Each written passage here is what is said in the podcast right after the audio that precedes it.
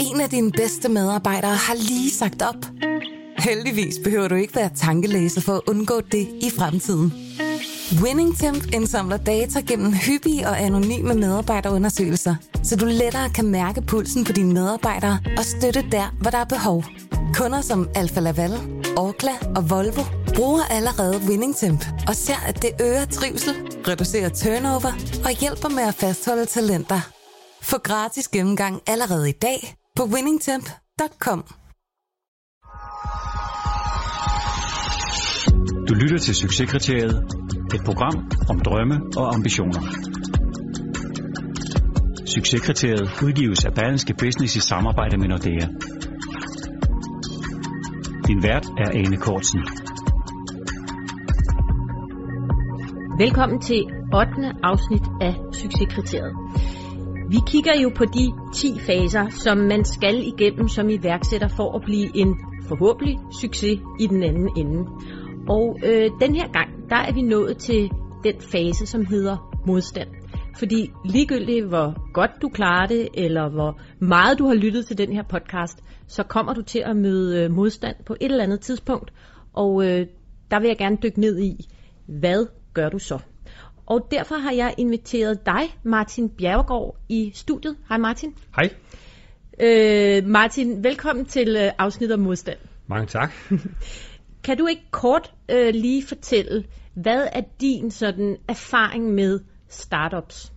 Øh, jo, altså jeg voksede op med en far, der var iværksætter, øh, og øh, ikke bare med en virksomhed, men med mange forskellige, kom med alle mulige øh, idéer, øh, uden at noget af det blev sådan særlig øh, stort eller succesfuldt, men i hvert fald rigtig meget idérigdom. Øh, så da jeg blev 18, så tænkte jeg, det er helt naturligt for mig, det var da jeg startede op som iværksætter. Så fra 18 til 23 starter jeg fem forskellige øh, virksomheder, øh, en lille smule overlap, men også sådan lidt serielt. Øh, og grunden til, at der skal fem til, det er, fordi der ikke er nogen af dem, der kommer til at virke for mig. Øh, jeg kom op på 10 ansatte et par gange, men så falder det, begynder det at falde fra hinanden. Øh, jeg kan ikke få det til at blive øh, stabilt og rentabelt. Øh, så som 23-årig giver jeg lidt øh, op på det, ret okay. øh, desillusioneret, øh, grænsende til deprimeret. Det kan jeg da godt forstå. Fem, fem virksomheder på, på så kort tid. Hvad, hvad var det for nogle virksomheder, du fandt på der? Øhm, altså, øh, nu om dagen her, 22 år senere, kan det jo, kan det jo lyde lidt underligt, men altså en, den, en af dem, den var uh, kopiservice virksomhed, før vi alle sammen uh, ja, dels havde farveprinter, og dels også er holdt med at printe ting ud. Øh, men øh, kopiservice øh, var faktisk den allerførste, jeg startede med, hvor jeg eller i bikuben, fordi at min kammerats far var filialbestyrer, der fik lov til at låne 300.000 til at købe sådan det nyeste skrig fra Canon. Øh, og, og så gik jeg i gang med at sælge øh, øh, farvekopier. Okay, og, og når du, man alligevel når op på at have 10 ansatte, så er det da sin sag at sige, ej, øh, det går ikke alligevel. Altså var det så fordi, at det begyndte at give enormt meget tab, eller der ikke skete noget, eller hvordan kunne du også i så ung en alder indse, at det her, det går ikke? Altså noget af det, som jeg havde en del ansatte på, var for eksempel et telemarketingbyrå, hvor vi solgte varer for andre. Øh, og, og der skulle vi ud og vinde nogle, øh, nogle kontrakter og nogle, have nogle kunder. Og hvis de sagde op, og man så skulle ud og kæmpe for at få en ny hele tiden, og vi havde for svært ved at sælge de produkter, vi skulle sælge. Så det var altid sådan, åh, har vi, løn, har vi lønninger til den første, har vi lønninger til den første. Og mm. Det var for meget det, man kan, ligesom kan kalde med røven i vandskorben. Og, og efter at have gjort det nogle år, så blev, så blev jeg i hvert fald ret mør, og kunne ikke se øh, perspektiverne i det. Okay. Og det vil sige, det efterlod dig som 23-årig som en, en relativt deprimeret og desillusioneret iværksætter. Ja. Og hvad gjorde du så? Så indså du, at du måtte hellere ud og blive lønmodtager. Uh, jeg tænkte, jeg hellere må få lidt uh, uddannelse i første omgang. Uh, jeg havde taget en HD sådan lidt med venstre hånd om aftenen for en sikkerheds skyld, mens jeg var iværksætter. Min mor havde altid sagt til mig, det er vigtigt at få en god uddannelse. Det har jeg ikke rigtig sådan ville lytte til. Men nu tænker jeg, okay, min fars plan med, alt, med det her iværksætteri virkede jo ikke lige, så så må jeg være, jeg skal prøve at lytte til min mor. Det er altid klogt at lytte til sin mor. Mm. og der kom jeg så ind på Handelshøjskolen i Aarhus og læste to år en kan strategi og ledelse. Øh, og det var jo selvfølgelig relativt øh, kedeligt, men også godt på den måde, jeg vil rykke lidt ud af mit lille miljø der i Horsensområdet og kom til Aarhus og mødte nogle flere mennesker og fik noget mere inspiration osv. Så, videre. så på den måde var det relativt fint. Øh, efter den periode tænkte jeg så netop, som du er inde på, at nu må jeg hellere prøve at arbejde for nogle etablerede virksomheder, nogle store virksomheder, og se hvordan de gør tingene. Og øh, jeg vidste jo godt, at jeg var relativt utålmodig, specielt dengang, så jeg tænkte, mm, måske konsulent var en god idé, managementkonsulent, for så kunne man hurtigt komme rundt og se mange forskellige virksomheder. Og dem, som alle sammen snakkede om, var de helt fantastiske, det var McKinsey. Øh, og øh, jeg søgte og fik øh, kunne hjælpe med øh, jobbet, og det var jo øh, selvfølgelig øh, fint, tænkte jeg, i hvert fald i en, til, en, til en start. Og, øh, og alle folk sagde, hvor heldig jeg var. mm. øh, men hvis ikke man inderst inde føler det sådan, så er det jo ikke sådan, at, at det er. Øh, og jeg, jeg endte med at være der i 15 måneder, og jeg plejer at sige, at det føles som, som 15 år. Okay, så, så selvom at det på papiret var en, en flot stilling at få, så var det slet ikke dig? At sidde øh, hos McKinsey? Øh, det var det ikke, nej. nej. Det, øh, det, var, det var alt for langt væk fra det, jeg godt kan lide. Altså, som, som at det, det, det er mere øh, nære, hvor man har meget indflydelse på de ting, man laver. Altså her var vi jo rådgiver for nogle store virksomheder, som måske måske ikke brugte analysen til noget. Øh, og jeg sad langt nede i hierarkiet, kan man sige også. Så jeg sad jo i virkeligheden og lavede øh, Excel-regneark og beregninger og research og PowerPoint. Øh, og det kan da være okay, øh, mm. men så læg dertil, at du skal lave det øh, 12-16 timer om dagen, så bliver det hurtigt lidt, øh, lidt, lidt, lidt småtrist. Mm. Hvad gjorde du så? Jamen, det, det, det endte med, at jeg ikke kunne sove længere. Øh, jeg var udstationeret i Kuwait, øh, Kuwait City, øh, på et projekt, og lige pludselig kunne jeg simpelthen ikke sove mere. Så efter fire dage uden søvn, så øh, havde jeg ikke andet valg end at tage telefonen og ringe øh, hjem til hovedkontoret, eller hovedkontoret, det, til det danske kontor af McKinsey og sige, jeg siger op. Øh, og øh, da de havde, ligesom havde accepteret den præmis, så kunne jeg gå op på mit øh, værelse, hotelværelse igen og sove som en baby. Så jeg vidste ligesom, at det var det. Så det var simpelthen din krop i virkeligheden? Det var min krop var meget klogere end, mit, end min hjerne. Som sagde, jeg lægger mig ikke til at sove, før du har sagt op? Ja, Ja. Præcis. Ja. Og siden har jeg gjort meget ud af at lytte til kroppen, fordi ja. kroppen er meget klogere end... Altså, man kan sige, den har ikke så mange øh, unødvendige kompleksiteter. Øh, og i vores hoved kan vi jo øh, vikle os ind i alt muligt. Kroppen, den ved bare, hvad der er rigtigt, sådan instinktivt. Øh, så det har jeg prøvet at lytte lidt til siden. Mm. Øh, og hvad jeg så gjorde derfra, det var, at jeg tænkte, nu vil jeg gerne tilbage til iværksætteri, men jeg følte mig stadig ikke sådan rigtig klædt på til at være iværksætter sådan på den helt, øh, helt egen måde. Øh, så derfor så tænkte jeg, hvad med at gå i iværksætterlærer hos en dygtig, succesfuld iværksætter. Lære en masse. Øh, og der fandt jeg så Claus Meier, som øh, havde seks virksomheder på daværende tidspunkt og gået fra en omsætning på 25 millioner i år 2000 til 100 millioner øh, samlet set i 2004, hvor jeg kom til. Øh, og der synes bestyrelsen, nu er det på tide med sådan en øh, McKinsey-mand til at hjælpe med at optimere lidt, øh, og som skulle sidde sammen med Claus og, øh, og udfordre ham og hjælpe ham osv. Og, og med mine 15 måneder hos McKinsey, så kunne jeg lige præcis øh, kvalificere til det. Du kunne kalde dig McKinsey-mand, trods ja, alt. præcis. Mm. Det var fantastisk. Ja. Øh, og, øh, og det synes jeg så til gengæld var sindssygt spændende arbejde. Jeg, øh, jeg elskede at arbejde sammen med, med Claus, og der var så mange gode ting, øh, man kunne øh, lave i den virksomhed til at gøre tingene endnu bedre. Og, og havde, du, havde du sådan samlet erfaring nok til at kunne komme ind og være en konsulent for ham? Øh, jamen, det var, jeg tror, jeg havde en god kombination af, at jeg jo inderst inde er iværksætter, så jeg kan jo godt lide at, øh, og, og, og, og gøre, lave noget, altså rigtigt, og ikke bare lave analyse. Øh, og samtidig havde jeg lige lært lidt øh, at tænke mig om, øh, og arbejde lidt professionelt. Så den kombination tror jeg passede meget godt til der, hvor i hvert fald på det tidspunkt hans virksomhed øh, var. Øh, det holdt jo selvfølgelig ikke så længe, jeg var der et par år, og så fik jeg jo en idé øh, til noget, som jeg bare måtte lave. Og nu følte jeg mig endelig klar. Og jeg fik Claus Meier overtalt til, at han skulle være min medejer i projektet. Og hvad var ideen? Øh, det var at sætte frokostordninger til, til virksomheder. Øh, det var et marked, som var i hastig vækst, men også et marked, hvor at øh, virksomheder øh, skiftede meget rundt blandt de forskellige køkkener, der var, fordi man bliver træt af at få den samme mad. Vi havde et af de her køkkener, og jeg havde ansvar for at få det fyldt op med kunder, og det var fyldt op med kunder, men så begyndte kunderne alligevel at sive derfra, og når jeg så spurgte dem i sådan et exit-interview, hvorfor forlader du os, øh, hvorfor forlader I os, har vi gjort noget galt, så sagde kunderne meget tit, nej, nej, det er fint nok, men det er bare, det, vi godt tænker os at prøve noget nyt. Ja, variation. Variation, lige mm. præcis. Vores slogan i øh, Frokost.dk øh, blev og er til den dag i dag, øh, fordi forandring fryder. Så det vi gjorde, det var, at vi samlede en hel gruppe af køkkener, som man så kunne få maden fra. Og så, så, så lavede vi et lille fælleskontor for det her, hvor vi kunne sørge for logistik og markedsføring og salg og fakturering og alle de her ting, som køkkenerne i virkeligheden gerne ville slippe for. Så nu om dagen øh, kender alle jo nok efterhånden øh, Just Eat, Øh, og man kan sige, at det her det er lidt et koncept som Just Eat, bare på B2B-området. Øh, så over for virksomheder fungerer vi meget øh, ligesom en, en, en Just Eat, kan man sige. Og da du, da du, du får den her idé til øh, Frokost.dk, så må øh, din erfaring fra de fem virksomheder, som du havde startet, og som det var gået dårligt med, hvad, hvad, var det ikke sådan en, en skræmmende ting at have i, i bagagen at vide, at jeg har startet fem virksomheder op, som ikke er gået. Hvorfor skulle den her pludselig gå? Øh, jo, det sætter dig et eller andet sted i, i systemet.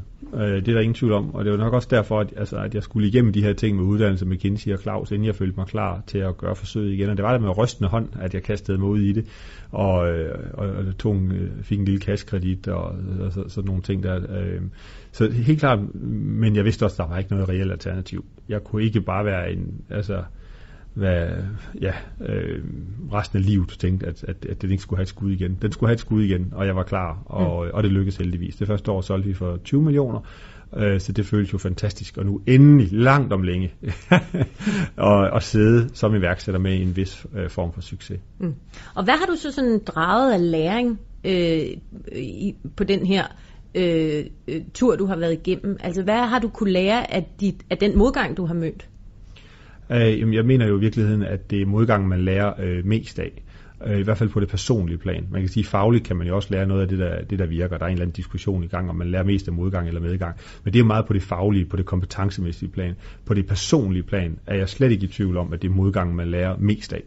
Og du kan se det, hvis du, altså, hvis du møder en eller anden, som er en 50-60 år, og som har haft et easy ride gennem sit liv, hvor det ene ligesom naturligt har ført videre til det andet, og alle har klappet vedkommende på skulderen, og alt har gået godt og nemt, og der ikke har været noget sådan altså, for alvor svært, øh, så er der ikke nødvendigvis sket så meget øh, personlig vækst, personlig udvikling. Så det kan faktisk godt være et relativt umoden menneske, der er inde bagved, der ikke er rustet til at klare sådan noget særligt dybest set. Øh, hvorimod, hvis du møder et menneske, der på sin rejse har oplevet øh, sygdom, øh, miste øh, nogen, der var tæt på at gå konkurs med en virksomhed osv., hvis man har været igennem de ting, og samtidig har, har brugt det positivt, så ikke man er blevet knækket af det og bare sidder og, og, og sutter bajer på en eller anden bodega, men at man rent faktisk har brugt det positivt øh, til at udvikle sig selv, til at vokse, så, øh, at, så kan man jo nå et helt, sted, et helt andet sted hen. Mm-hmm. Og hvad er dit råd til, hvis man nu har startet en virksomhed op, og det ikke går? Altså, øh, man kan se, at der er ikke rigtig skub i det. Er det så en god idé at starte helt forfra og droppe hele ideen? Eller øh, hvornår ved man, at øh, nu stopper jeg, øh, eller nu bliver jeg ved? At, øh, det kunne jeg forestille mig må være et af de svære punkter. Ja, det, øh, det, det er vanvittigt svært. Og man kan jo ikke vide, at man gør det rigtigt. Altså, jeg, jeg har stoppet nogle gange, hvor jeg stadigvæk i dag tænker, øh, kunne jeg have fået succes med, hvis jeg var blevet ved lidt længere. Øh, men man skal også huske jo, at man har det, man kalder en opportunity cost. Så ved, at når man øh, ruder videre med det her projekt, betyder jo også samtidig, at man ikke får stoppet op, tænkt sig om igen med, hvad man nu ved, og startet på noget nyt. Øh, så det handler jo ikke kun om, at man på en eller anden måde kan få sig igennem med det pågældende projekt. Det handler også om, hvad det er, så man ikke laver, fordi man sidder med et projekt, der ikke rigtig vil flyve, og bare har bidt sig fast og blevet stedig. Øh, og så vi har alle sammen den der følelse, eller mange af os har i hvert fald, jeg har, øh, at når først man er i gang med et eller andet, så er det lidt pinligt at give op. Øh, og det har jeg så heldigvis lært, at sådan er, det, sådan er det slet ikke. Andre folk har deres liv. Det, glemmer, det kommer de så hurtigt over. mm, så man skal sluge sin stolthed? ja, der, der er slet ingen grund til at være så bange for det. Altså man forestiller sig alt muligt, ej, så tænker alle jo, at jeg er den største idiot i verden. Men det gør alle faktisk ikke. Altså de har hørt om firmaer, der er blevet startet op og gået ned før, og i øvrigt så skal de ned og hente nogle børn i børnehaven, og øh, skal vi ud og have en øl på fredag eller hvad. Altså øh, liv går videre. Det er ikke noget, der fylder så vildt meget for andre folk, som det gør i ens eget hoved. Så det er dybest set ens egen stolthed, man skal være villig til at sluge. Mm. Det kommer ikke til at stå på øh, lysavisen på Rådhuspladsen, fordi at man øh, nedlægger sit, sin virksomhed. Nej, og hvis det gør, kan man sige, så er det fordi, man har været ret dygtig til at nå et, et vist punkt. Øh, i, øh, så, så det skal man heller ikke tage for personligt. Mm. Og øh, nu startede du så Frokost.dk, og det viser sig så at være et, en levedygtig idé, og er et, et, et, et, et vellykket startup i dag. Men øh, hvad er det, har du, har du så bare ligesom slået dig til tåls med det, eller hvad laver du så nu? Øh, ja, altså min utålmodighed fortsatte lidt, så efter kun et par år som direktør for det, øh, synes jeg, det var det mest rigtige at sætte den anden til at være direktør, og så selv give, give, øh, give mig videre på, på min færd som, som iværksætter. Øh, og jeg startede øh, Rainmaking øh, sammen med tre gode venner. Øh, det startede vi for 10 år siden, næsten 10 år siden, og øh, har siden da lanceret 25 virksomheder baseret på vores egne øh, mere eller mindre tossede idéer som hver anden iværksætter, men i et øh, hvad skal vi sige, lidt større setup i et fællesskab, hvor at vi øh, ejer tingene sammen, øh, også øh, partnere. Vi har øh, rejst øh, en del penge for Business Angels til at bygge den her øh, virksomhedsfabrik, og, øh, og så prøver vi at bruge hinanden meget på tværs og lære øh, hinanden, øh, øh, lære hinanden, og også have nogle delte ressourcer, som for eksempel bogholderi. Så en virksomhedsfabrik, det vil sige, I skyder faktisk virksomheder ud i en lindstrøm, og nogle er levedygtige, og nogle er ikke. Ja.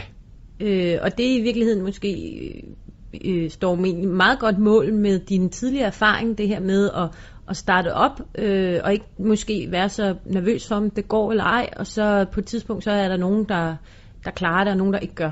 Ja. Er det sådan filosofien bag det?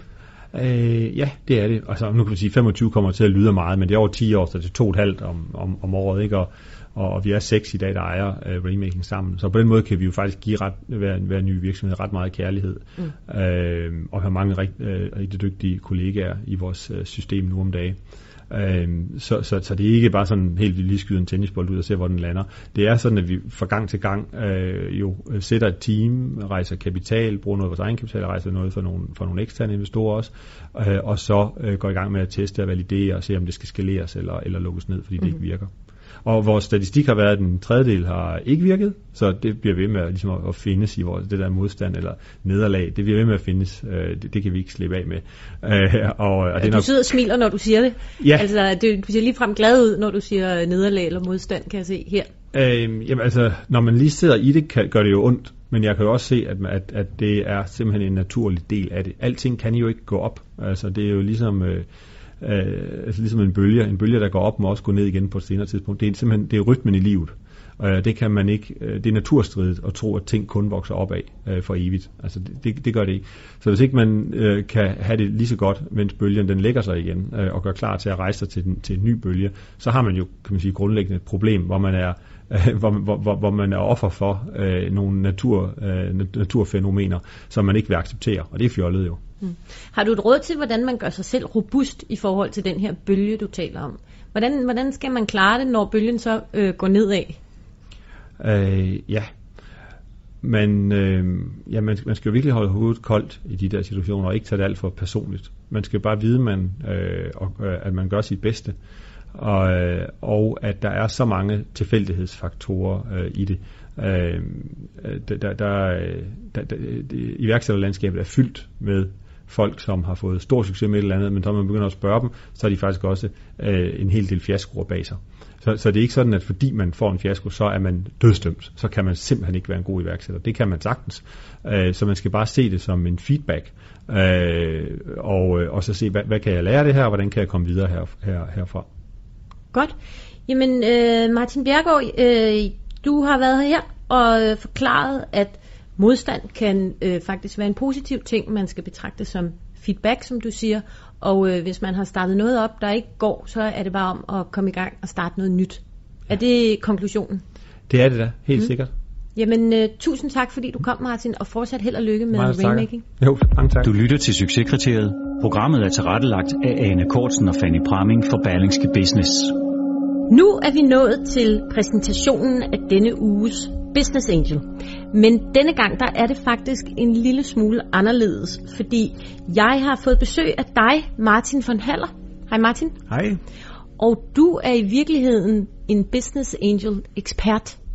Ja, det kan man godt sige. Jeg er sådan lidt af hvert. Jeg Ja. er både advokat og har meget med startup-virksomheder at gøre, som søger investeringer hos Business Angels. Ja. Øh, Og så er jeg også øh, Business Angel selv, fordi jeg er en del af det her nye netværk, der hedder Nordic Makers, men det består jo af ni virkelig, virkelig stærke super angels, hvor jeg nok mere er sådan mikro-angel i den sammenhæng. Eller det tynde øl, som Det du tynde øl, ja. Men du har i virkeligheden utrolig meget erfaring med at være bindeledet imellem en iværksætter og en angel.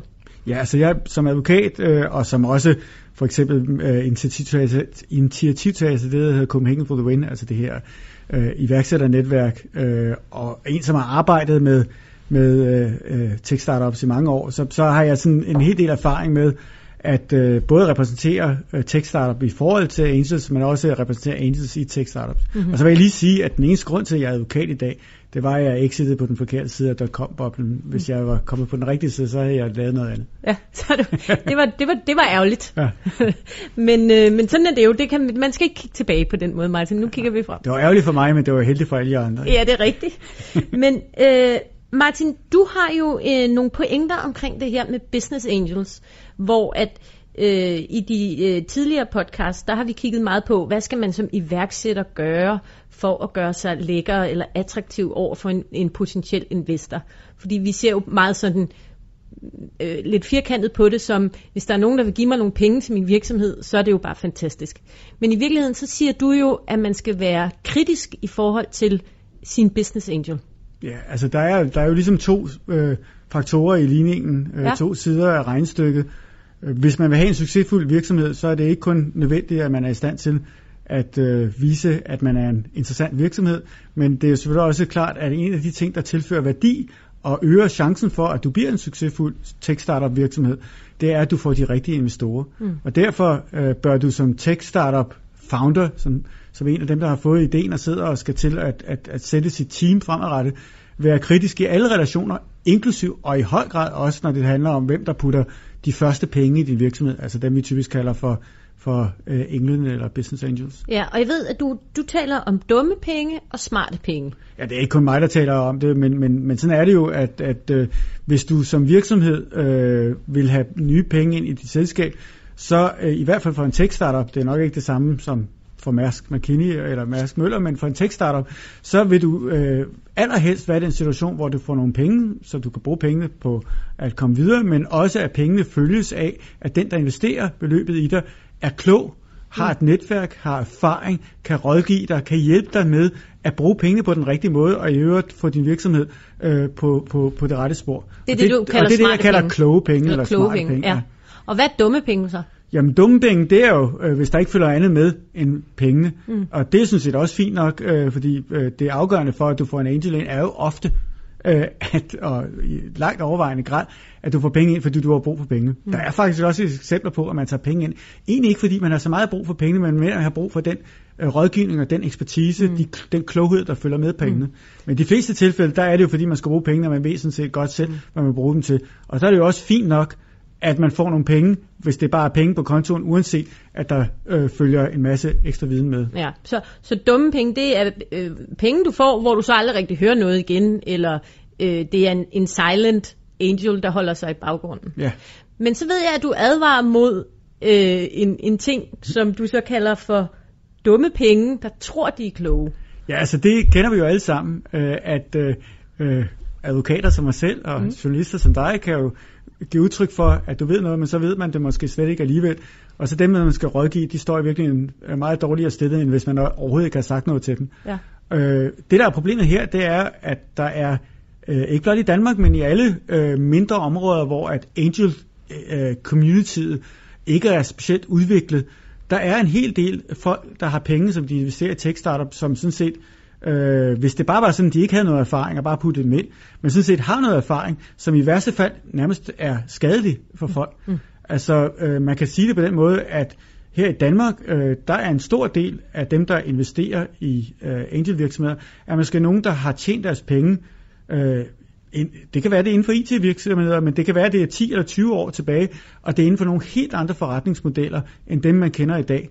Så de, Så- kan, de giver dårlig Så rådgivning. de giver, de giver dårlige rådgivning, og de kommer og fortæller, øh, at øh, man skal investere på den, man skal bruge penge på den og den måde, og det er ikke baseret på, hvordan at en international eller en mere erfaren, en super angel, vil have forklaret det, fordi vedkommende lige havde exitet sin egen virksomhed inden for det samme område, som man nu investerer i for et år, eller et halvt år, eller et, år, øh, et par år siden, så vil man vide, hvem der var de interessante, man skulle tale med, hvilke forretningsmodeller, der er interessant, hvilke sta- øh, VC'er, man skal gøre sig smuk for efterfølgende, altså den næste runde osv. Man vil have al den ekstra viden, som var øh, super relevant. Og der nytter jo ikke noget, hvis man kommer med viden, som, i, i, Som er forældet. I, ja, som er forældet, mm. øh, og som simpelthen ikke passer. I værste fald øh, vil den her øh, stakkels tech-startup øh, jo skulle høre på en masse øh, idioti, mm. som man i virkeligheden øh, vil være meget bedre, man, man kunne bruge sin tid på noget meget bedre. I værste fald er det således, at den pågældende angel har investeret øh, på vilkår, som gør, at man rent faktisk også kommer til at bestemme noget i den her virksomhed. Mm. Og så går det jo helt, kan det gå helt galt. Ja, så kan de simpelthen stå i vejen for en, Ja. en, en succes. Ja. Altså, og det leder lidt over på den, det andet aspekt af det. Et er, at man måske øh, kommer med noget viden, som øh, måske direkte er skadelig, hvis det bliver anvendt. Men mange af de her angels har også en risikoadversitet, som er meget større end andre, forstået på den måde, at hvis man har tjent 10 millioner, 20 millioner på et tidspunkt, og det er hele ens pension, og man har sat 5 millioner af til at investere i techstarter virksomhed, så er det jo øh, den beslutning og den øh, beskyttelse, man ønsker at have, øh, når man investerer et sted, den er jo på, på lige fod som, som at afgive rettighederne til sit første fødte barn. Ja, altså man, man, man er vil virkelig, virkelig gerne Man er så risikoadvers, og det giver sig udtryk for, at man også investerer på nogle vilkår, som hvor man sørger for, at da man jo ikke kan bidrage med ret meget virksomheden going forward, altså med rådgivning, så kan man i hvert fald forhandle sig til de bedst mulige vilkår for en selv. Ja. Man kan presse prisen så meget ned, at man i virkeligheden føler, at man har kommer ud af Hjallerup Marked. Øh, man kan bede om at få så mange kontrolrettigheder. Jeg vil bestemme i bestyrelsen. Der er de her ting, du ikke må gøre ved mig. Jeg skal have lov til at se det og det og det. Du skal rapportere til mig på den her måde, så du skal bruge mm. det meste af din tid på at rapportere, og så videre og så videre.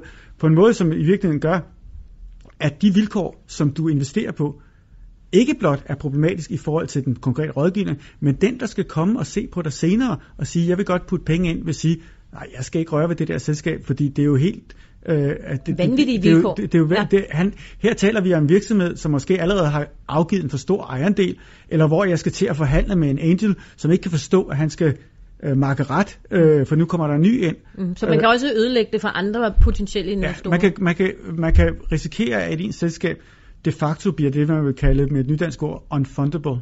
Ej, hvor forfærdeligt. Hvad, hvad er dit øh, råd til en, en startup, som møder sådan en angel her, der vil have så meget kontrol, og som vil have sådan nogle vilkår, og vil presse prisen? Hvad, hvad, hvad skal man så gøre? Skal man så bare sige, nej tak, jeg finder nogle altså, andre? beggars can't be choosers. Mm. Uh, så det, det er jo ikke sådan, at uh, vi står i en situation, hvor at man bare kan sige nej til alle mulige ting. Og meget af det her hænger jo sammen med også, om man har noget at byde på. Det her er jo, altså hvis man ikke, altså der er jo en vis, der er en vis øh, sandsynlighed for, at dårlige, dårlige startups også får dårlige investorer. Hvis vi nu går ud fra, at man er en god startup, ja, Martin. Hvis, hvis man er en god startup, hvis ja. man er nogen af de få, som er rigtig gode startups, ja. øh, som er derude, så, så bor man, og det ved man jo selvfølgelig ikke selv, om man er, men så derfor er det et råd til alle, ja. øh, så bør man være kritisk. Ja. Øh, og man bør øh, jo altså stille nogle kritiske spørgsmål til den her angel. Hvad er det egentlig, din erfaring er? Hvad er det, du ved specifikt om det, jeg laver? Øh, hvordan er dit netværk? Øh, hvordan vil du, øh, hvem kender du, som vi kan få hjælp af i fremtiden? Øh, tag nogle referencer, spørg, øh, jamen, hvem har du ellers investeret i? Øh, og så finder man ud af, at øh, jeg har faktisk ikke investeret i andre. Okay, der kunne vi jo konstatere, at det ja. første problem, ikke? Øh, nej, men jeg har investeret i dem og dem og dem jeg må kontakte dem og høre, hvordan det var at have dig som angel. Mm-hmm. Øh, forhold dig på samme måde, som du ellers gør. Og der er selvfølgelig en risiko for, at du øh, øh, fornær, fornærmer nogen. Ja. Men altså, det er jo mange gange med sådan nogle fornærmelser, at øh, de også øh, øh, er øh, bundet i, at man er usikker på sig selv, mm. og man måske er bange for, at fornærmelserne, når man føler fornærmelserne, går ind for tæt på, fordi der er en græn af sandhed i dem. Ja, at man føler sig truffet. Truffet, ja. Godt, så dit råd øh, er simpelthen, at... Øh, gå kritisk til din uh, business angel, uh, mm. tag uh, om nødvendige referencer på dem, og spørg ind til deres erfaring inden for lige præcis den uh, branche eller det område, som, som ja. din virksomhed tager udgangspunkt i. Uh, og vær ikke, vær ikke bange for at stille de her kritiske spørgsmål, fordi hvis det ligesom fornærmer dem, eller skræmmer dem væk, så er det nok fordi, der i, i, i sidste ende er noget omkring det. Det, det er meget sandsynligt, og et helt konkret råd. Ja. Uh, prøv en gang at spørge til de vilkår, som investeringen skal foregå på. Mm øh, og øh, med, med, med risiko for at øh, promovere øh, et, et, en, et dokument, som vi i Nordic Makers, øh, det her øh, øh Angel Community eller Angel Collective, som, som jeg er en del af, øh, benytter, så øh, kunne man jo for at forestå og sige, jamen, vi vil gerne have, at denne investering foregår på de her konkrete vilkår, Øh, kære angel investor, du kender jo Y Combinator i, i USA, og hvis vedkommende ikke kender dem, så, så, ikke noget. så, så er det måske lidt problematisk. Øh, de investerer øh, på de såkaldte SAFE-dokumenter, Simple Agreement for Equity. Der findes nogle tilsvarende dokumenter i Danmark. De hedder Hatch, mm. Hatch Agreement for Capital Hybrid. Mm-hmm. Øh, så I kan. Meget ja. fint, rekursivt akronym. øh, øh, og Spørg, man, man, var det ikke en idé, at vi kigger på den investering? Hvis vi kan foretage den investering, så behøver vi måske ikke engang at bruge advokater, så alle sparer penge. Godt, så man kan gå ind, finde de her hatch-dokumenter, ja. øh, og, og bruge dem som et værktøj ja. øh, øh, over for sin øh, business angel. Ja. Det er faktisk et meget konkret råd. Ja, det, og, de ligger derude på, på det, der hedder en Creative Commons licens, som betyder, at alle kan bruge dem frit hmm. øh, og, og kan anvendes. Og, og, og jeg kan personligt sige, at vi har anvendt dem fire gange nu i, i Nordic Makers, og jeg har som advokat i andre sammenhænge anvendt dem seks 6-8 gange, øh, og de virker, øh, og jeg har ikke hørt nogen, der har været sure over dem. Tværtimod er folk glade for, de ikke skal bruge en masse penge på advokater. På de der dyre advokater. Ja, de der alt for dyre Godt, advokater. jamen et, et konkret råd fra advokat Martin von Haller, det er, når du øh, skal i gang med at samarbejde med en business angel, øh, eller eventuelt øh, have øh, penge fra en business angel, så gå ind og øh, find de her dokumenter, der hedder HATCH, H-A-T-C-H, øh, og brug det som udgangspunkt, så bliver du ikke øh, snørret eller indgår i en eller anden konstellation, som øh, kan ende med at blive rigtig ødelæggende for din virksomhed. Ja. Øh, Martin, tusind tak fordi du kom og gjorde øh, i hvert fald mig meget klogere. tak skal du have.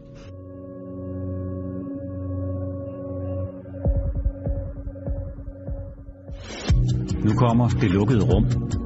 Her får du eksklusiv adgang til Nordeas eksperter med konkrete råd om, hvordan din forretning bliver en succes. I dag skal vi snakke lidt med dig, Jan Sirik, som er digital leder hos Nordea. Velkommen til. Tak for det. Jan, uh, disruption er blevet lidt et buzzword, som der er rigtig mange, der, der nævner. Men vil du ikke prøve at fortælle, hvad, hvad du forstår ved det her udtryk? Jo, det vil jeg gerne. Ja, disruption, det hører vi jo alle steder, og det bliver, det bliver brugt i utrolig mange sammenhænge. Øh, og jeg tror også, at det bliver opfattet øh, faktisk ret negativt. Øh, det har jeg i hvert fald selv oplevet, når jeg, når jeg bruger ordet. Øh, Øh, og derfor er jeg også begyndt mere at skælne op mellem, øh, øh, hvad er radikal innovation, og det er det, jeg sætter lige med disruption. Altså radikal innovation, det er også taget fra Clayton Christensen, han har også inkrementel innovation, øh, blandt andet. Og øh, hvis vi tager den radikale innovation, det er her, hvor man er inde øh, og ramme ens forretningsmodel, eksisterende forretningsmodel, der gør det altså ondt. Der er øh, nye spillere på banen, som er interesseret i at, at tage bidder fra dig. Og lige nu ser vi jo i den finansielle sektor, at det er, det er alt, hvad vi har. Alt, hvad hele vores værditilbud, som vi har, det er jo, om man kan sige, under angreb øh, fra, øh, fra, fra alle mulige spillere øh, på det her øh, på det her område. Så det er sådan, det er den sammenhæng, jeg tror, man skal se øh, disruption, det er, øh, hvor forretningsmodellen er, er under angreb. Jeg tror så, vil jeg så godt sige, at, øh, øh at fremtiden, øh, at fremtidens vinder i det her spil, det tror jeg faktisk er dem, som øh, kan, kan samarbejde. Altså vi ønsker øh, tror jeg, som borgere et samarbejde mellem øh, offentlige myndigheder, som jo gør utrolig meget på hele lovgivningsområdet og, og virkelig øh, laver mange reguleringer. Og vi ønsker at sikre os, at, øh, at vi har ordentlighed i forhold til håndtering af data, og de transaktioner, som vi laver, at de ikke øh, finansierer terrorister og, og andet. Og der ønsker vi nogle instanser, som for eksempel banker, der har det samarbejde med de offentlige myndigheder. Men jeg tror også på, at, at øh, at vi som, øh, som, som bank vil kunne vinde på at samarbejde med alle de her øh, tredjepartsvirksomheder, øh, fintech og startup, øh, startups. Så, øh, så jeg, vil, jeg vil meget hellere tale om, øh, om sådan et win-win paradigme, i, når vi snakker om disruption, end det, som jeg tror, det bliver opfattet mest som, at der er vinder og der er tabere. Og det tror jeg faktisk kun, der kommer tabere ud af. Der vil være meget få vinder i det. Øh, vi, vi får brug for, øh, for det der samarbejde mellem spillerne. Hvordan kan man som virksomhed bedst forberede sig på de her radikale ændringer, der kan spille ind på ens strategi? Ja, det er jo, øh, øh, altså det er jo, det er jo den digitale transformation, som, som vi er i. Øh, det skal man jo først og fremmest forstå, at man er i. Og det kræver, for at lykkes med det her, så kræver det, at øh, det er helt fra toppen af virksomheden. Det er bestyrelsesmedlemmerne, bestyrelsesformanden, det er executive management, øh, direktionen. De skal forstå, hvad det er for en forandring og hvad det er for en tid, vi lever i, og så skal de øh, kunne kunne agere derefter. Det jeg, det jeg tror, der, øh, der, der overrasker øh, lige nu, det er, at traditionelt har vi jo haft sådan to overordnede øh, strategiske udvikling eller forandringsagendaer. Øh, Et, det er stay in business, eller sørg for, at vi, øh, at, at vi bliver ved med at være i markedet, altså luk de værste huller til konkurrenterne, sørg for, at vi er compliant, øh, opfylder lovgivning. Og det er sådan en agenda, hvor øh, der kan man jo altid finde masser af opfinde øh, behov for masser af ting, man, man skal gøre. Men der tror jeg, det er meget vigtigt, at man holder det på sådan på et minimumsniveau. Og så har man den anden agenda, man, som vi jo virkelig har investeret mange penge i igennem mange år og, og, og været rigtig gode til. Det er jo den der innovere inden for den nærmeste fremtid, altså de næste 12 til, til 18 måneder, at have fokus på det og har en kæmpe portefølje af projekter og idéer. Men det, der er nyt her, øh, og som man skal vende sig til, det er, at der er også nødt til at være en tredje agenda. Og det er den her med at innovere øh, i, øh, i den ukendte øh, fremtid. Altså, og det er her, hvor den radikale innovation også spiller ind. Og der er det vigtigt, at man øh, som topledelse forstår det og accepterer det, og så også finder en eller anden fornuftig balance mellem at investere øh, nogle, nogle ressourcer ind i det. Når du som iværksætter i dag er ved at starte noget op, hvordan tager du så bedst højde for de her faktorer, der kan komme til at spille ind på din fremtidige virksomhed? Jamen det tror jeg er øh, det tror jeg er i virkeligheden samarbejde, altså partner op. Jeg tror partnerskabet mellem øh, banker og mellem iværksættere er, er sådan det mentalt rigtige mindset at have. Øh, og det skal gå begge veje. Altså der skal man have empati øh, i begge retninger og, og virkelig søge det der gensidige partnerskab. Øh, bankerne ved rigtig meget om, om, om reguleringen og de krav, som der er, og, og hvad der sker. Og det tror jeg, man som, øh, som iværksætter kan få meget glæde af øh, og, og indgå i, kan du sige, sådan en konstruktiv dialog. Man kan selvfølgelig også som iværksætter have det der mindset, og det er der jo lidt, kan man jo godt mærke, sådan at ah, nu skal vi have de der banker væk, øh, dem skal vi have slået af brættet. Men jeg, jeg, jeg tror altså ikke på, at det er, øh, at, at den vindende strategi. Og langt de fleste, jeg møder rigtig mange øh, og taler med rigtig mange iværksættere, og de er jo også grundlæggende bare interesseret i at få et godt samarbejde, få, få øh, deres, øh, øh, som ofte rigtig gode løsning på, på en idé, få det ud i markedet og få, øh, få skabt et samarbejde med os. Så, så dialog og samarbejde, det tror jeg er det, der skaber, skaber vinder. Du lytter til Succeskriteriet, et program om drømme og ambitioner. Succeskriteriet udgives af Berlingske Business i samarbejde med Nordea. Din vært er Ane Kortsen.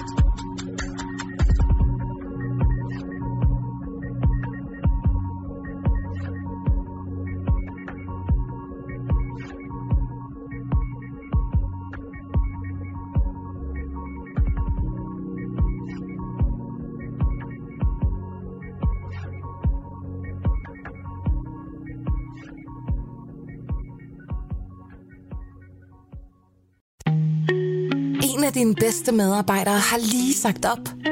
Heldigvis behøver du ikke være tankelæser for at undgå det i fremtiden. WinningTemp indsamler data gennem hyppige og anonyme medarbejderundersøgelser, så du lettere kan mærke pulsen på dine medarbejdere og støtte der, hvor der er behov. Kunder som Alfa Laval, Orkla og Volvo bruger allerede WinningTemp og ser, at det øger trivsel, reducerer turnover og hjælper med at fastholde talenter. Få gratis gennemgang allerede i dag på winningtemp.com.